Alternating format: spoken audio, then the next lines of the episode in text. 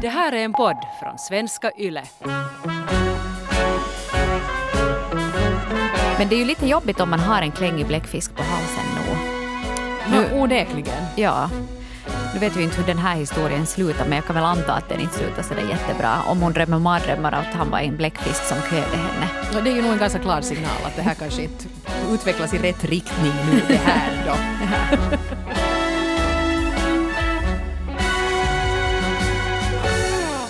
Tänk Hanna, nu har vi gjort hundra avsnitt och inte en enda gång har vi ännu pratat om olycklig kärlek. Nej, vi kommer ju att tänka på det i, i förra avsnittet, i jubileumsavsnittet. Det här har vi ju aldrig talat om, vilket är konstigt för olycklig kärlek är någonting som vi alla drabbas av i något skede. Och vi har ju säkert tangerat det nog på något sätt men, men inte haft ett avsnitt som vi skulle ägna helt och hållet åt hjärtesorg eller faktiskt det här med obesvarad kärlek. Och jag vågar ju påstå att varenda en som lyssnar nu skulle kunna säga att japp, been there, done that. För det här är nog någonting vi alla är med om i något skede. Mm. Man brukar ju öva på det här med att, att ha romantiska känslor för någon i tonåren. Det här är helt normalt. Och, och vanligt brukar det också vara att man blir kär i, i en, ett band eller en, en, den snyggaste killen på skolan eller något annat. En sån här oåtkomlig kärlek. Så att man egentligen börjar med att vara olyckligt kär. Nej, men det är ju just det där, jag menar första gången man blir romantiskt kär i någon så inte väljer man ju då någon som skulle vara sådär på ens egen nivå. Att han är nu lite söt och jag ser nu hans... Alla mina kompisar förstår inte hur gullig han är men jag förstår. Uh, utan nej, alla går ju och kärar ner sig i skolans snyggaste kille eller snyggaste tjej och det är dödsdömt från början och man kanske aldrig ens vågar göra någonting åt saken annat än att no, det fanns inte sociala medier när det här var aktuellt för mig men jag brukar ibland sitta vet du, och slå upp i telefonkatalogen och försöka räkna ut att att vem vilka var det? Då måste man ju också försöka klura ut att vad hette hans föräldrar. Ja. för vi var så små. Och så var det liksom, det var som man stalkade på 80-talet. Ja. Men nu för tiden så är det ju betydligt lättare för man kan ju få fram information om mer eller mindre vem som helst. Tyvärr, måste jag kanske säga. Och sen är det ju lite annorlunda också i vuxen ålder. För jag menar, vi har ju alla varit med om de här tonårskärlekarna och det är flera av er som har skrivit in om era tonårskärlekar också. Men vi ska kanske fokusera idag lite mer på det här med att vara olyckligt kär i vuxen ålder. ja, för för det det ju- blir ju inte något lättare. Inte. Nej, det blir ju inte något lättare. Och jag menar, det att du blir dumpad så känns ju jobbigt oberoende om du är 19 eller om du är 89. Exakt. Mm. 89 är nästan värre för då har man inte så mycket chanser att kanske hitta kärleken på nytt. Ja, eller sen kanske det, det är då hen dyker upp, den stora kärleken. Mm. Man får bara ta vara på det då.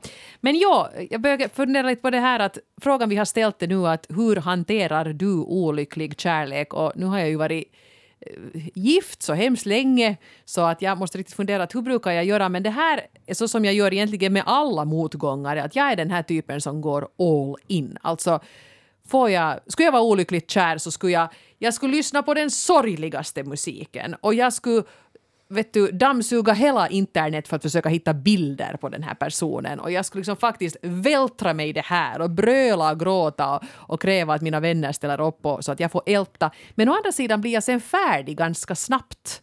Att jag liksom rensar systemet och sen är jag ganska bra på att gå vidare. Mm. Så du har lite som en sån här emotionell magsjuka. Precis, ja. Det är sådär kärlekens svar på norovirus. Det är Ja. så som jag hanterar de här sakerna.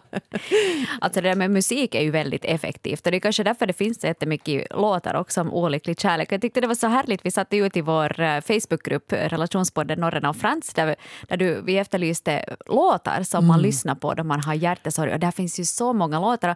Dessvärre så kan vi ju inte spela en endaste sekund här av upphovsrättsliga skäl men gå in dit på, på vår Facebookgrupp och titta och så kan du ju sätta en, göra en egen spellista.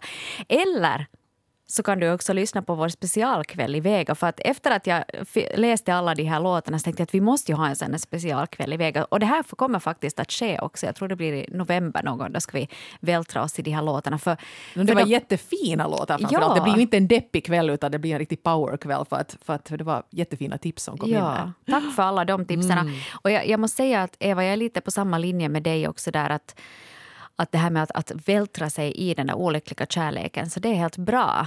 För att man får liksom utlopp för de där känslorna. Att man lyssnar på de där sorgligaste låtarna och gråter lite. Mm. Men, men samtidigt så känner man sig lite patetisk och, och jag tycker man får vara det. Men, men man måste nästan sätta som en tidsgräns på det. Det är sant, för jag tror att en annan version, jag har också bekanta som gör så att de väldigt länge går och håller det här för sig själva och liksom är så där morska att nu ska det här gå bra, men liksom, då blir det kvar längre den där den där olyckliga kärleken liksom hakar sig fast i dem på ett lite jobbigare sätt. Att jag, skulle, jag föredrar åtminstone min metod. Ja, och sen kan det också vara att om du är fast vuxen, Om vi säger att du är frånskild och du har barn och du måste klara av hela den andra hässäcken som kommer med det. Att du måste vara stark för barnen och stödja mm. dem. Och, och du kanske inte har egentligen ens tid för din egen hjärtesorg. Då kanske den dyker upp sen i form av en en 40-årskris eller en 50-årskris och mitt i allt så står du där med din nya motorcykel och, och, märker att det här var liksom sättet som du dealar med din hjärtesorg på. Ja, ja men precis den första grejen som man måste göra när man är olyckligt kär är ju att liksom acceptera att det här kommer nog att ta den tid det tar. Men jag får inte låta det hålla på hur länge som helst. Nej. Och faktiskt, vi fick in några sådana riktigt konkreta tips på vad ni brukar göra när ni är olyckligt kära. Här var till exempel signaturen 28 som har en ganska cool inställning och skrev att jag accepterar och skiljer på vad som var och vad som är och så blickar jag framåt. Mm. Jag önskar att jag skulle vara sådär det är praktisk. målet för oss alla, men kanske, kanske inte någonting man alltid klarar av att göra. Men jag tror just det där med att acceptera, det är ju det som är så himla svårt. För att om du är jättekär i någon och du har målat upp en bild av hur det skulle kunna vara, eller ni kanske har varit tillsammans och du vet hur härligt mm. det kan vara. Det är jättesvårt att acceptera att man inte kan få det och mera. Ja, och så kan det ju räcka med så lite. Det kan ju hända att den du är kär i redan har sagt ganska klart att nej, jag vill inte. Och så mitt i allt smäller han dit ett hjärta på någon bild du har lagt ut på sociala medier. Och så oh, är det tillbaka det. till ruta ja, ett. Liksom. Ja. Uh. ja, Bad Apple skrev att uh, jag snokar, jag hatar, jag skriver dagboksinlägg i moll och väldigt cringiga alster när jag har druckit några glas vin. Det är my kind of taktik det där. Och det där tror jag nog att vi, vi, ganska många av oss har gjort sig skyldiga till. Här skulle jag dock vilja komma med ett litet sån vänskapligt tips. Aha, aha. Att sen då du, du sitter där och är olyckligt kär och, och kanske gräver ner dig i memes och olyckliga låtar och så här.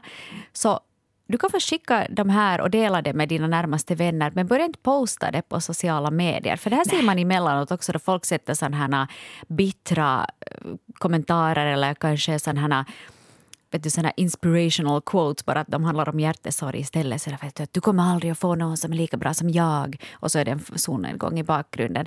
Att försöka att hålla det för dig själv, för fast du kanske vill förnedra den andra eller liksom kasta ut över hela världen så, så är det bättre att man inte gör det, för det kan vara ganska pinsamt sen i efterhand. Då du, du ser att var okej okay, att jag satte det där igår. Och så ska jag säga, jag kommer också med ett vänskapligt tips. Om du skriver, det gör ju jag då förstås gärna, uh, skriver cringiga alster som, som den här då beskrev det som. Skriv dem riktigt med papper och penna så att du kan riva sönder dem och slänga dem sen. För det är inte riktigt bra om de finns sen. Tänk sen när, när dina anhöriga dödstädar efter dig på din hårdskiva när du har gått ur tiden om, om 50 år och de hittar det där. Det vill du inte. Nej. märker hur, hur pinsam du egentligen Förstör alla, allt bevismaterial.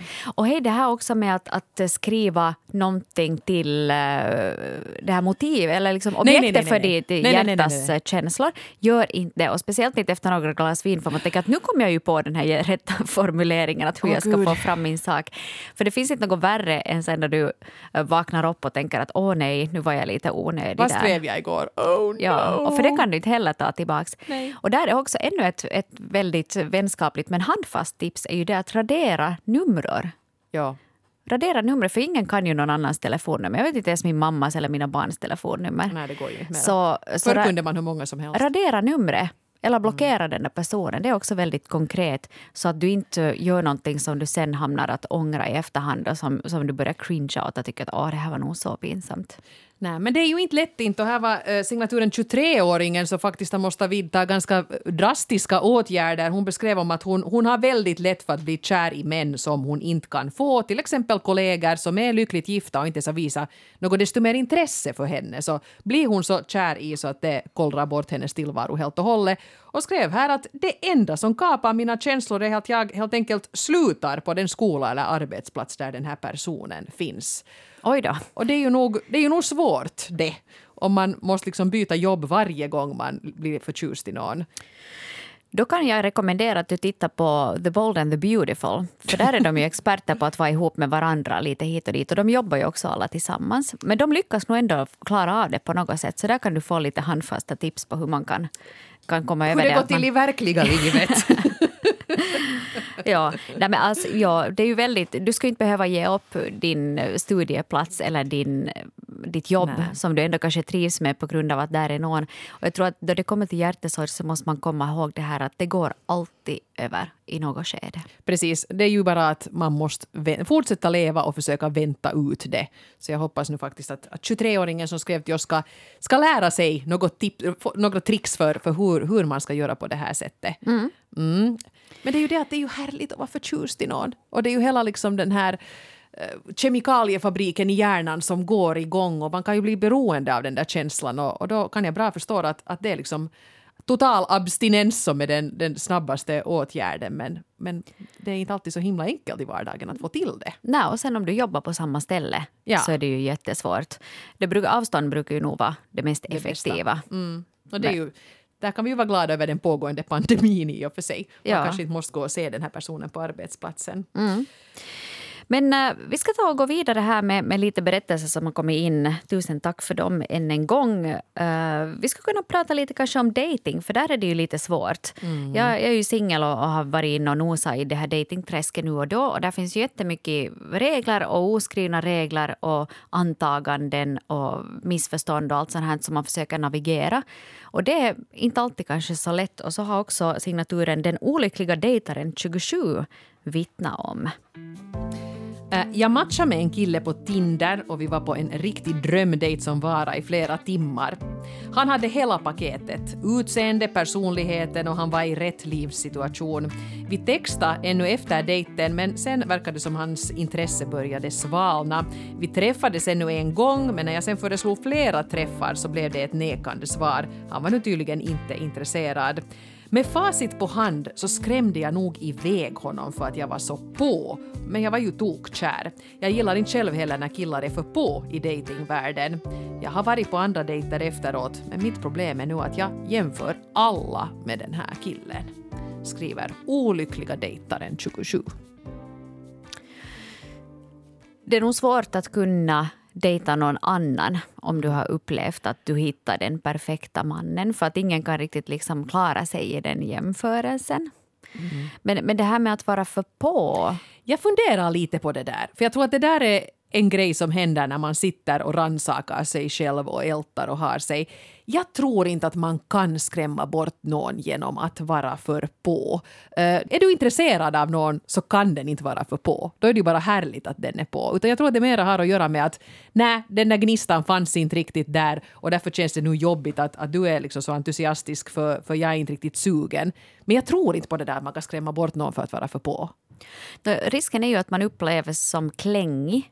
Ja. Men du upplevs ju bara som klängig om den andra inte riktigt vill ha dig där så mycket. Nej, annars vill man ju att den ska klänga. Ja. Ja. Men det, men det är nog svårt. Det. Jag, var, jag var ju själv inne i en, en lång härva av ett on-off-förhållande här som har pågått egentligen i flera år. Alltid nu och då så får vi ihop det och sen däremellan så, så blir det inte någonting. Och där är alltid samma orsak. Jag vill mera än vad han vill.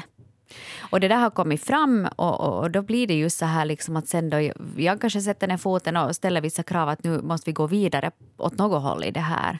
Och han sen backar. Så då finns ju risken att man, man eh, ja, att, att man liksom vill övertala den andra. Nej men förstår du inte hur härlig jag är? Och så här. Ja. Alltså det förstår han men han vill bara inte lika mycket som jag. Ja. Och då blir det ju svårt.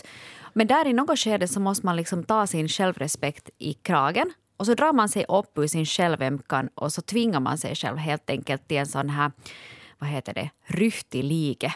Vet du, att man liksom helt enkelt sträcker på sig och, och, och, och då kanske man måste bara Ja, man, att man bara liksom lämnar det där då sen. Man Ja. måste acceptera det. I den situationen så var det ju kanske det att jag var på men han upplevde det som att jag var krävande för att han inte ville det lika mycket. Kanske. Om men, men det här nu, nu, in- inga detaljer nu om, om vad som hände här men jag, jag kan ju förstå att det skulle vara jobbigt om man är ihop, eller lite intresserad av någon och den ungefär börjar prata sådär att ja sen när vi har det här gemensamma huset och våra barn alla har flyttat in så kan de alla ha varsiga rum och, och man liksom kanske själv är med på det här med att det skulle vara kiva kanske gå ut och äta då och då. Så då Ja. kan det ju hända att den ena har liksom dragit på för stora växlar och då kan man ju bli avskräckt. Men om man nu liksom håller på jag menar, det finns väl ändå en viss minimigräns för en relation, att man nu åtminstone ska höra av sig tillräckligt ofta, ses då och då, så ofta som familjepusslet tillåter och så här. och man är inte för på om man vill ha den där miniminivån. Nej. Sen när man börjar säga att åh, nu ska det ske stora saker här och nu ska vi liksom börja organisera vårt liv på ett helt annat sätt och den andra är inte beredd på det, då kan det ju vara avskräckande. Men jag tror faktiskt inte att den olyckliga dejtaren 27, jag tror inte att du var för på. Jag tycker inte du ska åtminstone klandra dig själv för det. Nej, och man ska inte heller liksom ha dåligt samvete för att man blir förtjust i någon. Vet att du, du känner att du har gjort fel för att du har liksom genuint blivit förtjust i någon och vill visa ditt intresse för den personen. Det är ju aldrig en dålig sak. Vet Nej, du, och det är en och komplimang. och det är modigt. Ja. Det är modigt att våga liksom plocka ut sitt hjärta och lägga det på ett silverfat och erbjuda det till den som du har blivit förtjust i. Det är jättetufft att göra det. Och då kan man få kring öronen sen om, om det inte tas emot på rätt sätt. Men man, har inte, man ska inte klandra sig själv för det, för man vågar i alla fall försöka. Och det är liksom ändå friskt vågat och hälften vunnet. Jag undrar med det här också, då vi nu är inne på det, det här liksom med att, att tacka nej då till, till någon. Så, så det är ju just i dejtingvärlden som den här eh, olyckliga dejtaren skrev om också här att, att intresse verkar svalna och sen till sist så svarar han att nej, att jag vill inte gå på några flera dejter. Att, att hur ska man göra det? För, för jag har själv funderat på det där och så har jag märkt i min bekantskapskrets också där det finns dejtande singlar att, att hur ska man säga det? Att någon, man, ofta hör man ju att "Nå, det fanns inte riktigt någon kemi och nej, han frågar om vi ska ses igen och jag kanske inte riktigt vill. Och jag tycker nog att det är ganska bra att man ändå försöker säga det rakt ut. Att man inte börjar med det där att nej men jag har inte tid nu, att nu har jag barnen den här veckan eller ja vi har så mycket på jobbet. Att man ändå försöker köra det ganska rakt. Man behöver inte säga att usch att jag tyckte att du var väldigt osexig Nej. och att jag fick kvällningar då jag såg dig på riktigt. Det behöver du ju inte säga. Nå, Har du fått det så har det ju kanske framgått i den där situationen. Eller sen ja, jag vet jättebra inte. skådis. Man. Men jag tycker att man, att man ska vara ganska tydlig för då ger man ju också en, en signal åt den andra att okej, att jag är inte intresserad av att ta det här något längre. Och sen så minimerar man också risken för att den där som är mer intresserad ska bli för kär eller för Jag tycker förtjust. alltid, raka rör är ju nog alltid att föredra. Det som jag också tycker är jättefegt är ju det här att man ghostar någon. Man kanske har Ja. varit på några helt trevliga dejter, den andra han blir lite, lite ivrig och sen mitt i allt så slutar man bara svara. Att hellre då skriva ett jobbigt eh, sms att hej, att jag tycker du är en jättetrevlig person men vet du, nu är det så här att jag, jag känner inte riktigt för dig på det sättet så kanske det bara är bäst att vi inte ses. Och så känner man sig ju säkert ganska oschysst när man skriver det där men jag tror i alla fall att det är en barmhärtig handling att helt enkelt döda det där hoppet hos den andra att nej det här kommer inte att ske. Att gå hellre vidare. Mm. För jag tycker det är jättefräckt att låta den andra bli hängande där i någon sorts sådär, men kanske det ändå att om jag skulle vara lite smalare eller om jag skulle vara lite roligare eller om jag inte skulle ha varit så på så då kanske det här skulle kunna ske. Utan nej, säg ifrån bara så vänligt du kan. Mm, it's not me, it's you. Men bara på ett schysstare sätt. Ja, exakt. Hej, vi går vidare. Eh, flera av er skrev faktiskt in om eh, det här med att vara olyckligt kär i någon som är upptagen. Och, och det här liksom träsket då man är inne i eh, någon form av att vara den andra kvinnan eller den andra mannen. Och den här personen då bedyrar att jo, jo, det ska nog bli vi att, att så småningom. Men så verkar det inte riktigt hända någonting. Det var flera som beskrev precis samma scenario. Till exempel signaturen Den andra kvinnan 25. Jag blev i våras lämnad av en man jag hade haft en några månaders affär med för att han hellre ville vara med sin sambo. Jag bröt ihop totalt för jag hade verkligen trott att det skulle bli vi. Nå, jag flyttade hem till mamma och bodde där en vecka för att slippa vara ensam med min sorg och skrev varje dag listor av saker som jag upplevt som gjorde mig glad. Allt från att ha sett vårens första tussilago till att vi hade ja, gjort en god middag. Jag försökte också aktivt att göra saker som stärkte mitt självförtroende som att träna och ta selfies bara för mig själv och försökte mig också på olika kreativa uttrycksformer som dikter, teater och målning. Jag grät varje dag men hade stöd från mina syskon och en terapeut som jag fick samtalsstöd från. Efter några månader så stalkade jag honom inte längre på Somme och jag kunde också tänka mig ett liv utan honom. Och jag började också titta på andra och ladda ner Tinder. Allt gick så bra tills det kräke började närma sig mig igen bara för att ligga och jag fick bygga upp mig själv igen. Denna gång dock med en lista på hans oattraktiva egenskaper och elaka saker han gjort för att hindra mig från att göra om samma misstag igen. Ja, det här är verkligen en process med toppar och dalar. Åh, jag blir så arg på den här karln. Alltså det där är...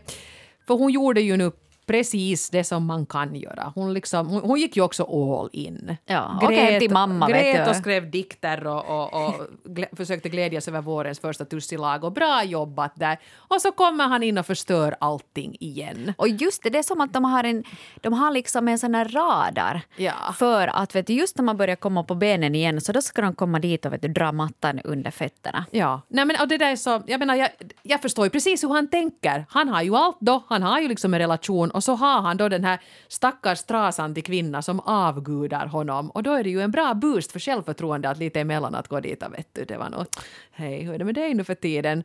Och så får han vad han vill därifrån och ingenting rubbas ju i hans värld utan han kan ju fortsätta precis som tidigare medan allt då rämnar för henne. Eh, jag är så glad att hon ändå skriver här att nu, nu gör hon inte det här på nytt för att nu vet hon. Och det är bra att dokumentera det där också. Ja, att, att hur det har varit, att man kan skriva fast en lista på att han gjorde det och det och det. Och, och hur man egentligen mådde då man var med honom och hur jobbigt det har varit Ja. eh, stundvis. Påminna sig om att det inte är värt det. Ja, och påminna sig själv om att man vet att slutresultatet blir alltid samma med den här personen om jag går in i det igen. Jag, jag, har, jag måste säga att jag är ganska bra på det här. Jag har tränat mig flera gånger just i och med en sån här on-off-fundering. Så, så man liksom lär sig för varje gång att första gången är man där "Ah, oj nej och det, det alltid ska vara vi och så här. Men sen för varje gång, det är som Sam Smith säger i den där låten, vet du, att för varje gång du lämnar mig så gråter jag lite mindre. Nej men det är ju så. Och att Ja. man, man blir lite så att nej, men man vet att är jag med den här personen så blir res- slutresultatet alltid detsamma. Det är lite samma med det här att, att eh, det är dumt att göra om samma sak och förvänta sig ett annat resultat. Och det här tycker jag att den här den andra kvinnan, 25, ska få en tumme upp för. För att man verkligen inser att okej, det här var ju inte så lyckat men jag försöker göra någonting annat. Och man verkligen aktivt jobbar för det här att, att stärka sig själv och sen gå vidare. Mycket bra. Eh, lite samma sak så skriver Hjärtesorgens kvinna om eh, här. Ja, eh, hon skriver så här att jag har varit olyckligt kär i en person i snart tre år. Han har ändå sagt att han inte är så jätteintresserad. Men vi ses ibland och efter lite alkohol så händer det också att vi blir fysiska med varandra. Jag kan inte påstå att det här är ett bra sätt att hantera min olyckliga kärlek eftersom det i längden säkert skadar mig att umgås med någon som jag inte kan få. Särskilt eftersom han ibland vill mysa med mig men aldrig sen något mer. Jag kan nog inte räkna tårarna jag fällt för den här personen och mina vänner säger ofta att jag borde bryta kontakten helt, men det går bara inte. Jag vill hellre ha en liten del av honom än att inte få honom alls. Jag har försökt träffa andra, men det känns onödigt, för ingen är ju som han. Vad ska jag göra? Ja, beklaglig situation. Och just det här som, som hon skriver här om att hellre få en liten del än att inte få honom alls. Och det är det frågan om här är ju att det är ju som man skulle vara eh, beroende och få en liten fix.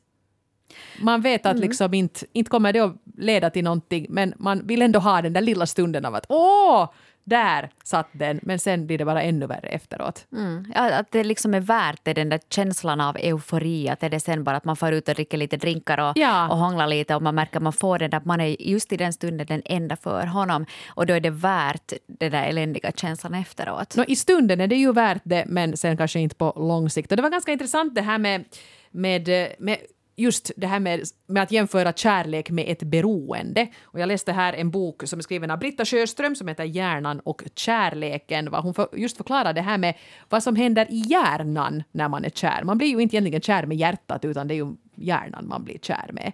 Och det som händer, ibland om man har varit riktigt förälskad, vare sig det var att man var lyckligt eller olyckligt förälskad, så kan man ju vakna upp efteråt och tycka att vänta nu, att det var ju typ som jag var drogad. Att jag var så konstig. Och de facto, skriver den här Britta Sjöström, så är du drogad. För det som händer i hjärnan är att den går igång en sån här kemikaliefabrik och det är dopamin och det är serotonin och alla de här grejerna börjar liksom produceras för fullt i din kropp så du är helt kollrig. Och det är ju därför också som de flesta relationer kanske jag menar förälskelse varar ju alltid som mest i något år fast du är hur kär och sen övergår det ju i bästa fall i någon sorts annorlunda kärlek sen. Men under den där tiden så är man ju helt eh, bortkollrad, som man ska vara drogad och då blir man ju beroende och då kan man ju ibland vilja ha den där fixen, den där förälskelsefixen och det är ju kanske just det som hjärtesorgens kvinna gör när hon ändå låter sig tillfälligt dras in i det här igen. Ja, alltså det, det är ju makes perfect sense nu när du säger det för nu tror jag också att alla andra människor som av beroende, det sen alkohol, droger, spel, sex eller vad det sen må vara, att man vet ju att det här är inte bra för mig, men man kan bara inte motstå frestelsen. Som just nu hjärtesorgens kvinna skriver här, att jag vet att det inte är bra för mig, men sen alltid då det kommer något meddelande och man kanske fått lite sprit i kroppen så tänker man att äh, kanske bara den här gången Ja. ännu. Att han är ju så ljuvlig och man vet hur fint vi har det tillsammans fast det bara sen är för en natt. Och det som hon skriver också här, jag tycker det här är någonting man kan komma ihåg att olycklig kär är en fysisk åkomma. Det är inte bara i ditt huvud och det är inte du som har saboterat för dig själv och det är inte för att du är så blödig som du mår piss just nu utan det är en fysisk åkomma. Du är sjuk just nu. Du kommer nog att bli frisk men kanske man måste acceptera och, och inse att, att jag är sjuk just nu och att det kommer att ta en liten stund. Och man kan reparera sig med, med vänner och choklad och Netflix. Kanske något glas vin också, bara det inte blir för många. Lite grann i alla fall. Åh, men jobbigt är det ju. Ja. Hej, vi skulle kunna ta ännu en, en eh, berättelse här som är ganska lång och, och omständig på många sätt och vis. Men jag tyckte den var intressant för att den eh, belyser eh, en person som har stått på båda sidorna av det här staketet. Att både varit olyckligt kär och varit den som någon har blivit olyckligt kär i. Och vi har gett den här historien rubriken Soulmaten och bläckfisken. Eh, det är singeltjejen 44 som skriver. För några år sedan träffade jag mannen som jag trodde var min soulmate. Vi träffades på en arbetsresa och gnistorna flög från första stund. Inget hände för vi var båda upptagna på annat håll. Men sen när det var dags för nästa arbetsresa så slutade kvällen med att vi drack prosecco och pratade och skrattade tills vi grät. Och så slutade kvällen med att han berättade hur förälskad han var i mig och hade varit det sen första gången vi sågs. Inget fysiskt hände då heller, men det här skakade ju om hela min värld. Vi separerade båda från våra respektive och blev faktiskt ihop. Och jag kunde inte fatta att jag hade haft sån tur som hittade världens snyggaste och sexigaste man. Men efter ett halvt år av dans på rosor han hade de där kemikalierna här avtagna, eh, så var det någonting som hände. Han började förändras och jag märkte det genast och kände desperat att jag behövde bekräftelse av honom. Och ni kan säkert gissa hur det slutade. Fast relationen tog slut så kände vi väl ändå båda att vi hade haft något så speciellt att vi några gånger försökte få det att fungera igen. Men det lyckades ju aldrig. Mitt senaste förhållande var sen totala motsatsen. Den killen var väldigt målmedveten med vad han ville och hurdant förhållande han ville ha. Han var så nidig att jag kände mig helt kvävd av alla krav och kände att han satt på mig. Till sist drömde jag mardrömmar om att han var en bläckfisk som kvävde mig med sina tentakler. Min lärdom är att man nog måste tycka om sig själv och ha hunnit bearbeta det bagage man eventuellt har från tidigare relationer före man går in i något nytt. Och det var nog så jag gjorde efter att det hade tagit slut med min soulmate, inom citationstecken. Jag jobbade massor på att stärka mig själv och bygga upp min självkänsla genom att läsa böcker och göra olika övningar. Ja, kanske bläckfiskkillen borde göra detsamma. Skriver singeltjejen 44. Hoheja! Det var en, en, en lång berättelse. Och, och det är ganska intressant det där, för ibland tänker man att, att vissa människor är de här hjärtekrossarna. Och sen är andra människor de här som alltid hänger efter och aldrig riktigt får ihop det med den som de är kära i. Men den här singeltjejen verkar ju ha representerat båda lägren. Ja, och faktiskt kommit på hur man gör med den här hjärtesorgen. Att jag tror nog det ligger mycket i det där att, att det man har att arbeta med när hjärtat är krossat är ju sig själv. Att på något sätt försöka återuppta åtminstone kärleken till sig själv och inse det där att jag är ju nog värd all kärlek här i livet. Det var inte den här gången nu, men det kanske kommer någon annanstans och kommer det inte på ett tag så klarar jag mig för jag tycker om mig själv i alla fall. Och, och kanske det också blir så här att, vet du, om den här singeltjejen då hade jobbat upp sitt självförtroende efter den här passionerade historien där man först blir hjärtekrossad men sen börjar man bygga upp sig själv småningom och sen kommer det in då den här nya mannen som var klängig som man sa att "Mm, inte går jag med på det här. Att man, man har ett annat utgångsläge sen då man liksom har jobbat lite med sig själv. Och då går man inte heller med på att den andra kanske vill eh, just att man ska träffa familj och göra allting tillsammans. Och så har man sagt nej, det, det vill jag inte. Men det är ju lite jobbigt om man har en klängig bläckfisk på halsen nu. Nå, Nu- onekligen. Ja. Nu vet vi inte hur den här historien slutar men jag kan väl anta att den inte slutar så jättebra. Om hon drömmer mardrömmar att han var en bläckfisk som kvävde henne. Ja, det är ju nog en ganska klar signal att det här kanske inte utvecklas i rätt riktning nu det här då. Men Hanna, om vi nu skulle försöka oss på att besvara den här frågan hur hantera hjärtesorg eller olycklig kärlek.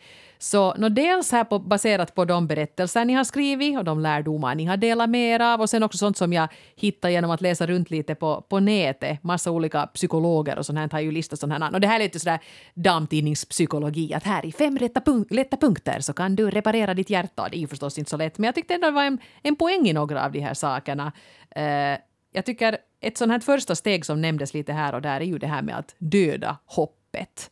Att faktiskt göra en analys. Men jag vill inte. Ja, men finns det en chans här eller är det här helt dödsdömt? Och sen det som är ganska viktigt, känns kanske mer tydligt om det är en man som är olyckligt förälskad i en kvinna acceptera det där nejet. Men det gäller ju förstås också åt andra hållet. Det bara känns mer hotfullt om det är en man som stalkar en kvinna än tvärtom.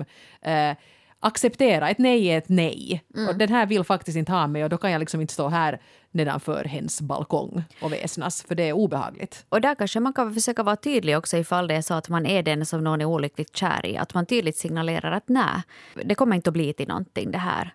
För då tar man ju bort det där hoppet också, att man tar ansvar för det. Ja, exakt. Och sen det som ju också är lättare sagt än gjort, men man måste ju kanske avgöra att är det här en person som jag vill ha kvar i mitt liv eh, eller blir det helt enkelt för jobbigt? Och det här just det där, är det en kollega, är det någon i samma kompisgäng, är det någon som liksom hänger med ohjälpligen?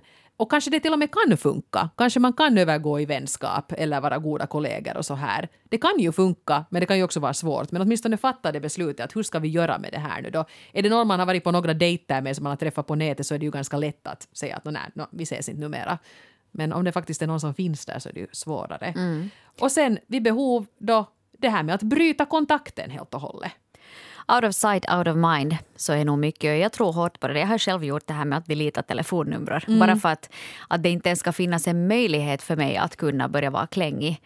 Att jag har fått det där nejet, så då har jag deletat det. Ja. För så att jag inte ska börja vara där och skämma ut mig sen i ett svagt ögonblick längre fram.